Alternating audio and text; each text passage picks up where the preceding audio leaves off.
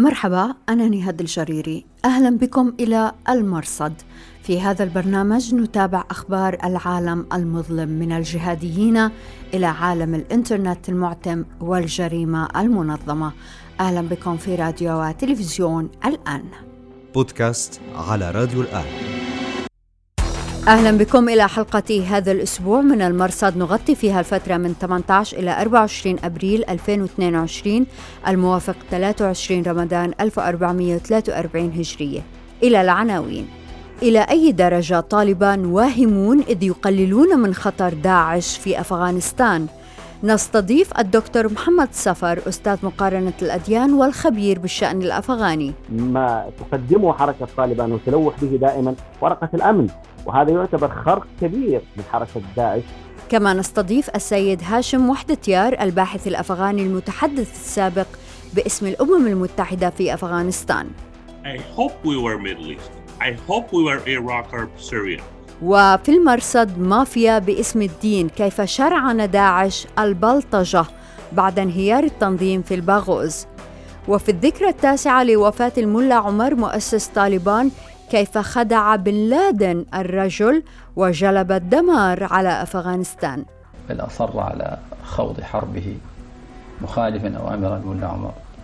وفي البرنامج أيضا هل تسلمت تركيا دواعش محتجزين عند هيئة تحرير الشام في إدلب؟ وبإمكانكم الرجوع إلى نص هذه الحلقة في أخبار الآن دوت نت. بودكاست على راديو الآن في الأسبوع الثالث من رمضان نفذ تنظيم داعش سلسلة من الهجمات في أفغانستان كان أشدها في الشمال ففجر مسجدا في مزار الشريف وأطلق صواريخ كاتيوشا باتجاه الأراضي الأوزبكية وفجر مفخخة قرب مطار كندوز وفي كابول فجر مدرسة للأولاد. مسؤولو طالبان يقللون من خطر داعش ويقولون إن ظهر التنظيم مكسور. إلى أي درجة هذا السلوك من جانب طالبان يقوي داعش؟ إلى أي درجة؟ طالبان واهمون بأنهم بسطوا الأمن في أفغانستان. نرحب مرة أخرى في البرنامج بالدكتور محمد سفر أستاذ مقارنة الأديان مدير مركز دراسات الأقليات المسلمة. الدكتور سفر يعرف أفغانستان عن قرب عاش فيها وألف كتابا عن طالبان. شكرا جزيلا لوجودك معنا دكتور سفر. حياكم الله أهلا وسهلا. دكتور إلى أي درجة طالبان مخطئون عندما يقللون من خطر داعش يقولون نحن لسنا الشرق الأوسط لسنا سوريا ولا العراق إلى أي درجة خطر داعش حقيقي نعم أهلا وسهلا حياكم الله أستاذ حقيقة هذا السؤال يحتاج آه، الاجابه عليه إلى عدة نقاط لابد أن اقف عندها. النقطة الأولى حركة طالبان علاقتها بداعش متوترة منذ البدء. داعش لم تعترف بحركة طالبان آه، داعش لديها أمير مؤمنين وتنظر آه، يعني هذه الحركة أو هذا التنظيم ينظر إلى أميرهم على أنه أمير للمؤمنين في كل آه، البلاد الإسلامية وليس كمشروع طالبان الذي أيضا يلقب زعيمه بأمير المؤمنين لكنه مشروع مقتصر على نطاق جغرافي محدد هم من يقولون ذلك. طالبان التي تقول أنه ليس لدينا مشروع عالمي ويصرون على أن مشروعهم مشروع محدد ولذلك داعش آه، ينظرون إلى حركة طالبان أن هذه الحركة من المفترض أن تكون تحت مظلة ولواء داعش وليس العكس ولهذا فالعلاقة متوترة منذ البدء وتم وثمه معارك آه، داميه آه، دارت بين حركة طالبان وبين تنظيم داعش في الأعوام الماضية حتى قبل أن تكون لدى طالبان سلطة في الدولة.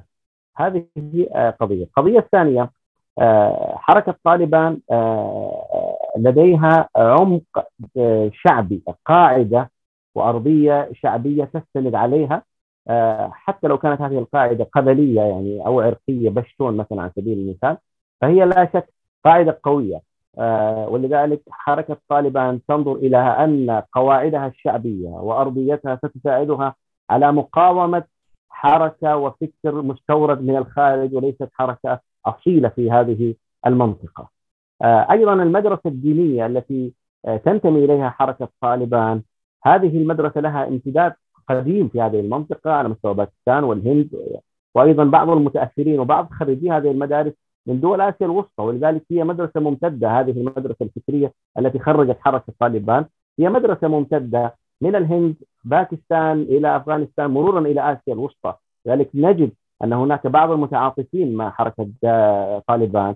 وبعض من يعملون اليوم في حركه طالبان وهم ليسوا من البشتون ولكن انتمائهم لهذه الحركة انتماء فكري نسبة إلى هذه المدارس التي تخرجوا منها ولذلك حركة طالبان من حيث القاعدة الشعبية لا شك انه قوتهم أكبر من قوة داعش.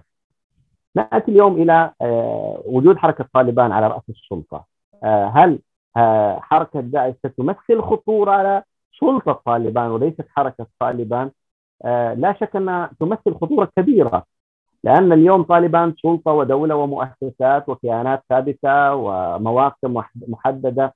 هذه مسألة، مسألة أخرى حركة طالبان تريد أن تستتب لها الامر في أفغانستان من خلال إجراءات وتنظيمات ومؤسسات وقوانين وأهم ما تقدمه حركة طالبان وتلوح به دائما ورقة الأمن وأنها استطاعت أن تفرض الأمن وأن تبسط سيطره الدولة على كل آه، أراضي أفغانستان.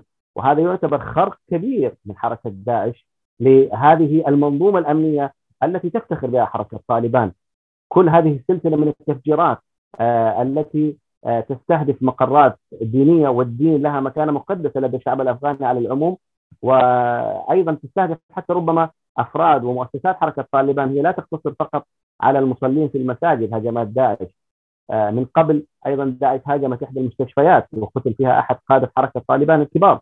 فالمقصود أن هذا خرق أمني كبير لملف آه، حركة طالبان تقدم باعتباره الملف الأبرز لإنجازات حركة طالبان. إذا كان هذا الإنجاز الأمني قد ضرب في مقتل فليس لحركة طالبان منجزات أخرى في الحقيقة على الساحة، حركة طالبان لم تقدم مشروع اقتصادي لإنقاذ البلد من حالة الانهيار الاقتصادي ولا مشروع تعليمي ولا مشروع حتى بناء دولة، ليس لدى طالبان هناك مشروع السودان تقدمه، إذا كان هذا المكتسب والمنجز الوحيد وهو الأمن قد ضرب فهذه مسألة خطيرة. مسألة أخرى وهي قد تستطيع داعش آه، قد يستطيع هذا التنظيم أن يستقطب بعض المجموعات المعادية لحركة طالبان أو يحصل هناك نوع من الحل بين هؤلاء حتى لو لم يكن استقطاب. وبالمناسبة أنا لا أستبعد الاستقطاب ابدا. هناك معلومات وهي معلومات دقيقة نوعا ما بالنسبة لي وصلتني أن بعض قادة عسكريين من جماعات إسلامية موجودة في أفغانستان انضموا إلى داعش وهم قادة كبار من جماعات موجودة في أفغانستان ك آه، الاتحاد الإسلامي الذي ينتمي آه، إلى أستاذ عبد الرب الرسول سياف. هناك أحد قادة سياف انشق عن سياف وانضم إلى داعش تحديدا. وهذا مؤشر خطير على أن آه، هناك قد يكون اضطرار لدى هؤلاء للانضمام إلى داعش أو ربما شعور لدى هؤلاء أن داعش اليوم قوة يمكن الاستناد عليها أو أن هناك تقارب إيديولوجي يحدث مع داعش. وهذا صعب جدا إيه، لأن المجموعات الإسلامية الأخرى لا تنتمي إلى مدرسة داعش كثيرا لكن قد يحدث التقارب باعتبار أنه كان هناك ارتباط بين المجموعات الإسلامية والجهادية الموجودة في أفغانستان وبين العرب خلال فترة الجهاد وهذه العلاقة متوترة مع حركة طالبان. آه، باعتبار أن حركة طالبان اليوم أصبحت حركة تميل إلى قومية معينة وليست حركة جامعة للمجموعات الجهادية التي كانت موجودة آه، في أفغانستان في فترة الجهاد، كل هذه العوامل في الحقيقة تدلنا على أن حركه آه، تنظيم داعش قد يتوسع، مسألة أخرى خارج أفغانستان وهي أن تنظيم داعش أصبح ليس له اليوم آه، مناطق جغرافية كثيرة. يعني يتحرك في هذا التنظيم ويستطيع من خلاله التنظيم استهداف آه، سواء كانت الدول الغربيه أو مصالح لهذه الدول الغربية أو حتى آه، دول تتهمها. يعني هذا التنظيم يتهم هذه الدول بأنها عميلة أو أنها متخاذلة إلى آخره. آه، إلا اللهم في سوريا هناك هامش ومساحة يتحرك في هذا التنظيم والمساحة الأخرى هي أفغانستان ولذلك من مصلحة داعش عدم استقرار أفغانستان في ظل حركة طالبان حتى يكون هناك أرض ورمال متحركة ومنطقة رخوة آه، يستطيع في آه، آه، هذا التنظيم أن يلملم أطرافه وأن يستجمع قوى مرة أخرى خصوصا في ظل ضعف حركة طالبان كدولة وليس كتنظيم. حتى كتنظيم بالمناسبة حركة طالبان كتنظيم قد ينجح في حشد قوات من أجل شن هجمات ولكن إذا ما توزعت هذه القوات كلها على مستوى أفغانستان فلن تكون هناك قوة آه، مجموعة لدى التنظيم لمواجهة. داعش ولذلك داعش يستطيع أن يضرب هنا ويضرب هناك. وآخر دليل الهجمات المشتتة آه، في عدة مدن متزامنة في وقت واحد من الشمال إلى الجنوب. في يوم واحد كانت هناك عمليات آه، لداعش دكتور سفر مما نعرفه اليوم عن توسع داعش كما شاهدناه في العراق وسوريا في الموصل والرقة كان توسعا مدعوما بتراخي أمني في العراق وسوريا. إلى أي درجة ممكن لداعش أنه يكرر هذه التجربة في أفغانستان؟ هذا السيناريو معقول؟ أنا لا أعتقد أن داعش اليوم آه، يريد أن آه، يكون له دولة في أفغانستان. هذه مسألة قد تكون آه، يعني مستفزه لحتى المجموعات الأخرى التي يمكن لداعش أن تستفيد منها لأنها في حالة عداء مع حركة طالبان. يعني داعش اليوم آه، لا يحاول أن يستفز هذه المجموعات خصوصا آه، معلوم أن هناك اليوم مجموعات أخرى مقاومة لحركة طالبان أو معارضة لحركة طالبان سواء كانت عسكرية أو كانت سياسية، هذه المجموعات قد تستفيد يعني من كلها تستفيد من حالة الفوضى وحالة الرخو والكل يبحث عن تحقيق الدولة أو الوصول إلى السلطة.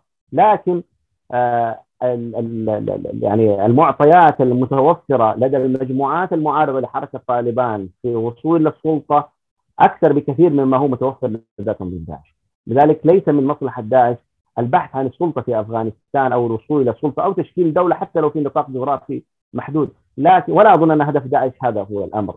هدف داعش إيجاد أرضية أخرى للمعارك والقتال وتحقيق منجزات وأيضا قنوات للتجنيد وقنوات للتسليح وقنوات للتمويل وقنوات ومعسكرات للتدريب.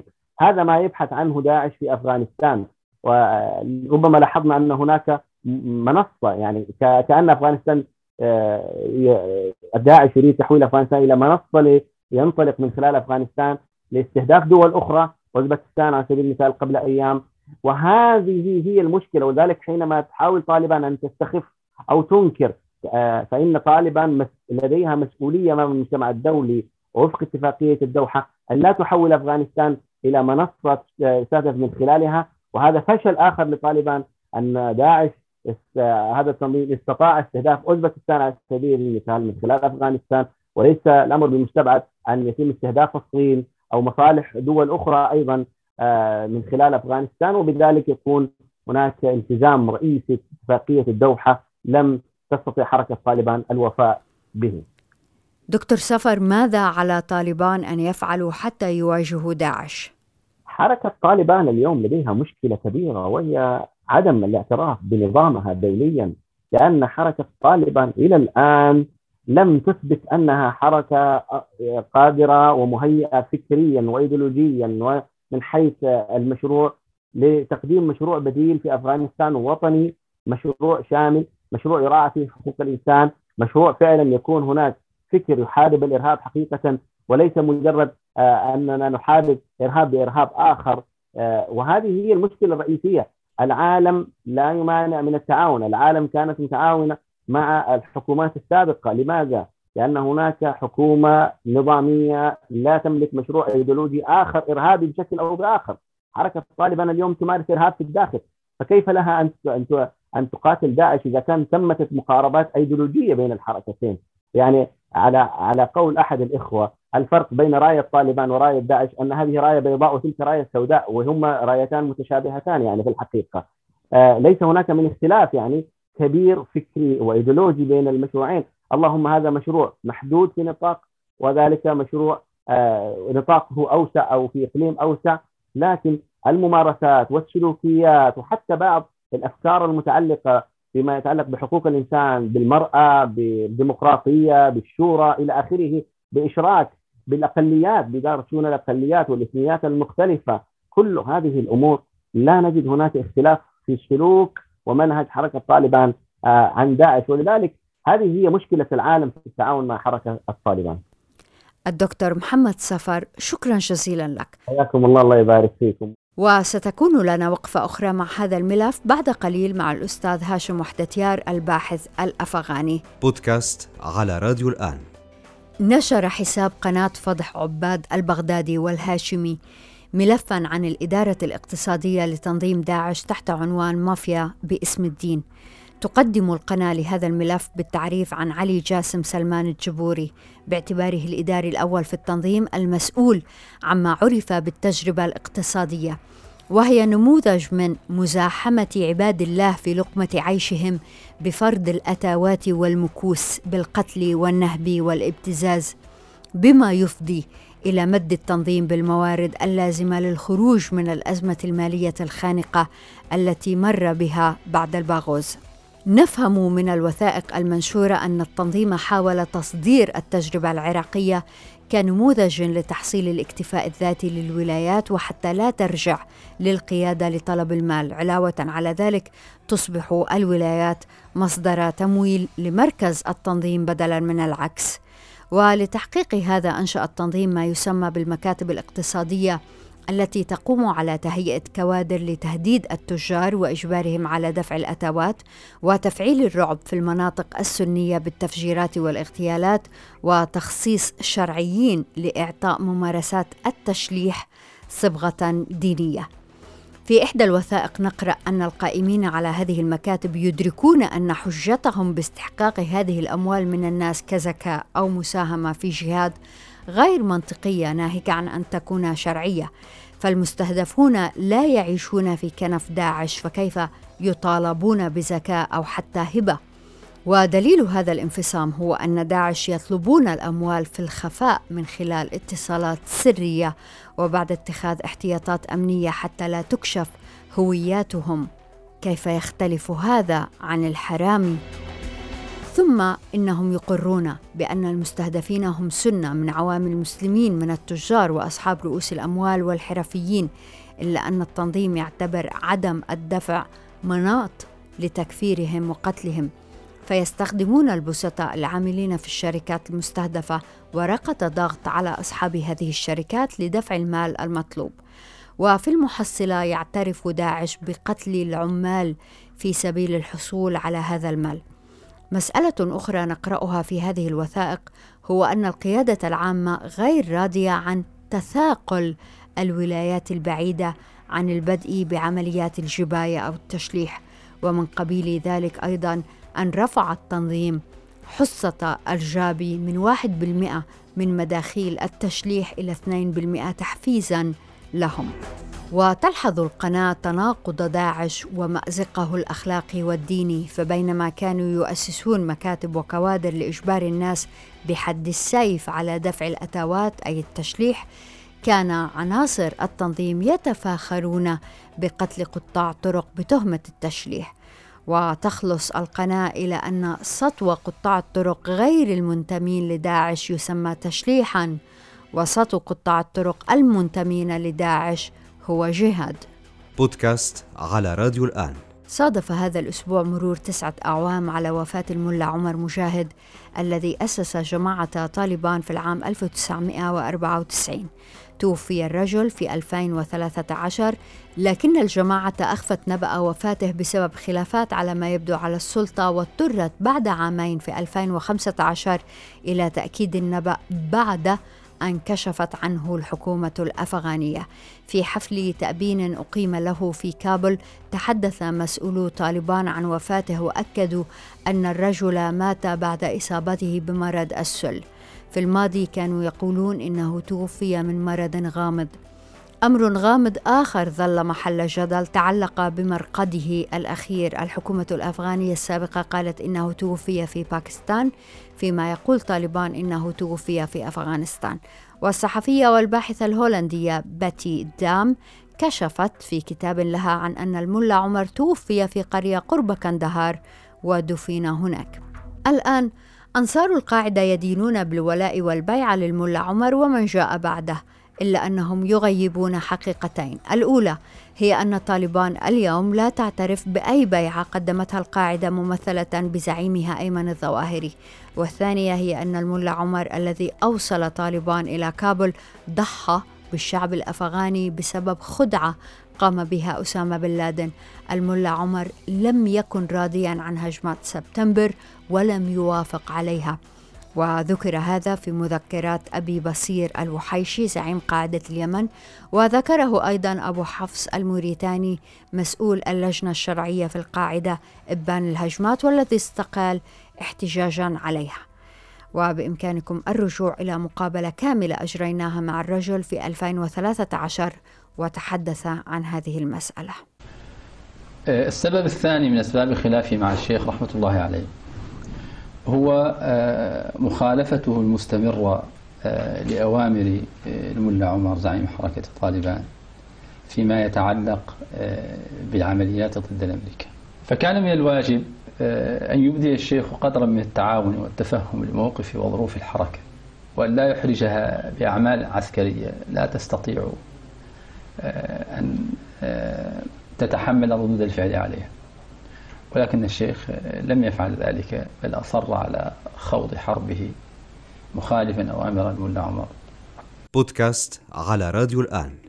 نشر الإعلام التركي صورة لاثنين قال إن جهاز الاستخبارات ألقى القبض عليهما فيما وصفت بالعملية الأمنية في سوريا وإن الاثنين ينتميان لتنظيم داعش وكانا يستعدان لتنفيذ عملية إرهابية ضد تركيا. معارضو هيئة تحرير الشام في إدلب اتهموا الهيئة بتسليم المهاجرين. حساب مزمجر الثورة السورية قال إن الرجلين معتقلان لدى الهيئة منذ عام وإنه لا علاقة لهما بداعش وإنما هما تابعان لأبي ذر المصري المنشق أو المطرود من حراس الدين فرع القاعدة في الشام. حساب أبو يحيى الشامي المعارض. نقل أن أحد الاثنين ينتمي إلى جماعة جند الله التابعة لأبي فاطمة التركي الذي طردته الهيئة من جبل التركمان في نوفمبر الماضي. أما الثاني فقال الحساب إنه يعمل مع الهيئة واسمه عبد الله كردي.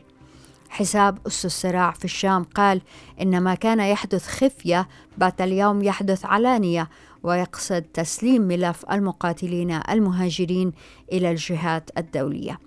قناة أبي محمد نصر تساءلت هل سيكون تسليم المهاجرين لبلادهم هو ورقة التوت الأخيرة والتي بسقوطها ظهور لحقيقة القيادة في إدلب وما تقدمه من خدمات أم أن هناك ما هو أعظم؟